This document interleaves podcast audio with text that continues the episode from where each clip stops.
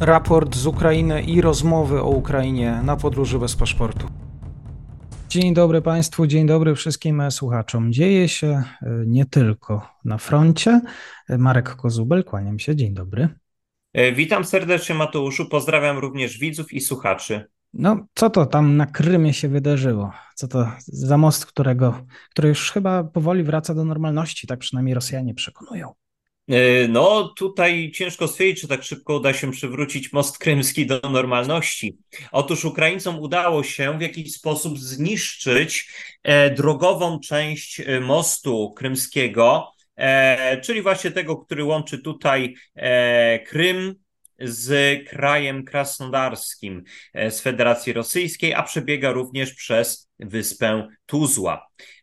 Wyspę, o której to w zasadzie można byłoby nawet i nakręcić nawet e, odrębny materiał związany z konfliktem, który miał miejsce na początku tego stulecia pomiędzy Rosją a Ukrainą. Ale w każdym razie wracając, e, Ukraińcy, przynajmniej no tak się podaje, przy pomocy dronów morskich, nawodnych, zdołali zniszczyć drogową część mostu krymskiego. Część kolejowa jest jeszcze nienaruszona, ale transport kołowy może już odbywać się jedynie przez południową część Ukrainy, czyli przez obwód hersoński, zaporowski i południową część Donieckiego. E, także jest to na pewno ogromne skomplikowanie sytuacji e, dla strony rosyjskiej, jeżeli chodzi o przerzucanie e, zaopatrzenia. Jeżeli do tego Ukraińcy zniszczą również most kolejowy, no to zacznie się już ta faza odcinania Rosjan na tym odcinku i przyszłego właśnie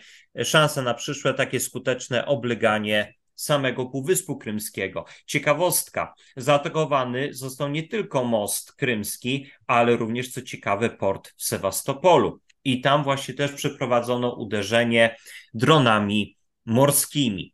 E, tutaj ten atak prawdopodobnie za bardzo się Ukraińcom nie udał, E, aczkolwiek y, no jeszcze też nie wszystko wiemy, czy chociaż jakieś tam minimalne szkody ten atak czasem nie wywołał. Być może to też e, był jakiś element odwrócenia uwagi od późniejszego ataku na most krymski, bo tutaj trzeba zaznaczyć, że most krymski został zaatakowany e, dzisiaj nad ranem, a port w Sewastopolu wczoraj wieczorem, już w takich późniejszych godzinach nocnych. Y, dzieje się również na froncie. Mhm. Bardzo proszę.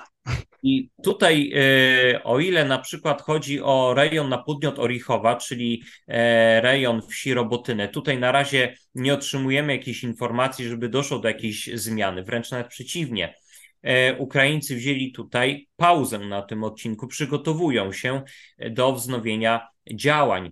E, za to troszeczkę ma się dziać w rejonie wsi Piatychatki i Łopkowe. Ukraińcy mieli e, zbliżyć się do szosy, która łączy miasto Kamiańskie z Wasyliwką. Także próbują oni jeszcze bardziej poszerzać tutaj te wybrzuszenie, które stworzyli. Ukraińcy zaczęli też mocniej naciskać w rejonie miasta Połowy. Konkretnie naciskają na wieś Dorożniankę, a przynajmniej jest to jedna z tych, które e, były oficjalnie wymieniane i przez stronę ukraińską, i przez rosyjską jako miejsca walk. Dzieje się za to sporo ciekawego e, w rejonie Staromajorskiego i Urożejnego. Otóż Ukraińcy flankują teraz obie te miejscowości i wczoraj też pojawiła się informacja, e, również w mediach rosyjskich, e, oczywiście chodzi o media, o media społecznościowe, e, jakoby Ukraińcy mieli zająć całe Staromajorskie, ale strona ukraińska potwierdziła jedyne co, to przejęcie kontroli nad północną częścią tej miejscowości. I nic poza tym. Bardzo prawdopodobne jest jednak też przy tym wszystkim to, że Ukraińcy e, atakowali również w tym samym czasie urożajne, chociażby po to, żeby związać część sił rosyjskich. Linia frontu też przesunęła się znowu pod samo Priutne. No to jest wieś, o którą toczą się już walki od jakiegoś czasu. I tutaj, jeżeli też mówimy o ukraińskich sukcesach na tym, front, na tym odcinku frontu, one się wydają nieduże, prawda? Hmm. Ale od razu myślimy o tym wszystkim inaczej, jeżeli zdamy sobie sprawę z tego, że Ukraińcom udało się zdobyć ważne wzniesienia nad Staromajorskim, co czyni utrzymanie pozostałej części tej wioski bardzo ciężkim zadaniem dla strony rosyjskiej. I Podobna zresztą jest sytuacja z urożajnym. Jeżeli Ukraińcy mają, e, jakby to powiedzieć, w zasięgu swego ostrzału takiego bezpośredniego drogi prowadzące do Staromajorskiego i urożajnego, no to sytuacja strony rosyjskiej staje się tutaj naprawdę ciężka. Jeżeli chodzi o odcinek Doniecko-Awdijiwski, to tutaj nie odnotowujemy zmian na linii frontu. Dzieje się trochę więcej e, w rejonie Bachmutu. E, tutaj przede wszystkim Ukraińcom udaje się flankować pomału Kurdiumiwkę od północy, są coraz bliżej Andriiwki i nie pozwolili się wyprzeć Rosjanom ze wzniesień pod Kliszczyiwką. Jeżeli ukraińskie działania w kierunku Andriiwki zakończą się sukcesem, przede wszystkim staną opanowane wzniesienia, e, to wtedy sytuacja rosyjskich obrońców wsi Kliszczyiwka i wzgórza, wzniesienia, które się znajduje na wschód od y, tejże wsi, no sytuacja ta stanie się dość ciężka. Rosjanie prawdopodobnie na razie nie chcą się wycofywać, e, być może po to, żeby nie wywołać jakiegoś efektu domina, albo mają nadzieję na to, że po dotarciu rezerw uda im się jednak utrzymać te pozycje. E, ponadto nadal oczywiście trwają intensywne walki w kierunku Berchiwki, no i Ukraińcy też naciskają. E, tutaj, co prawda, mapa Deep State e, tak tego dobrze nie podkreśliła, ale naciskają na Jakowliwkę i Krasnopopiwkę.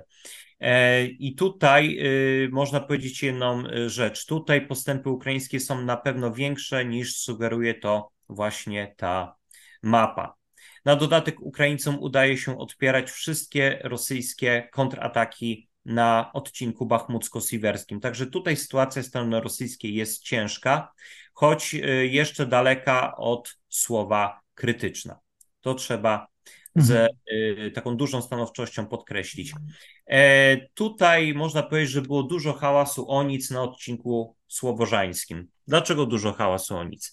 Ponieważ Rosjanie, pomimo rzucenia nowych oddziałów na linię frontu, pomimo kreowania pewnego zagrożenia dla takich miejscowości jak Dworiczna, Kupiańsk czy Łyman, no tutaj Rosjanie nie osiągnęli jakichś dużych e, sukcesów.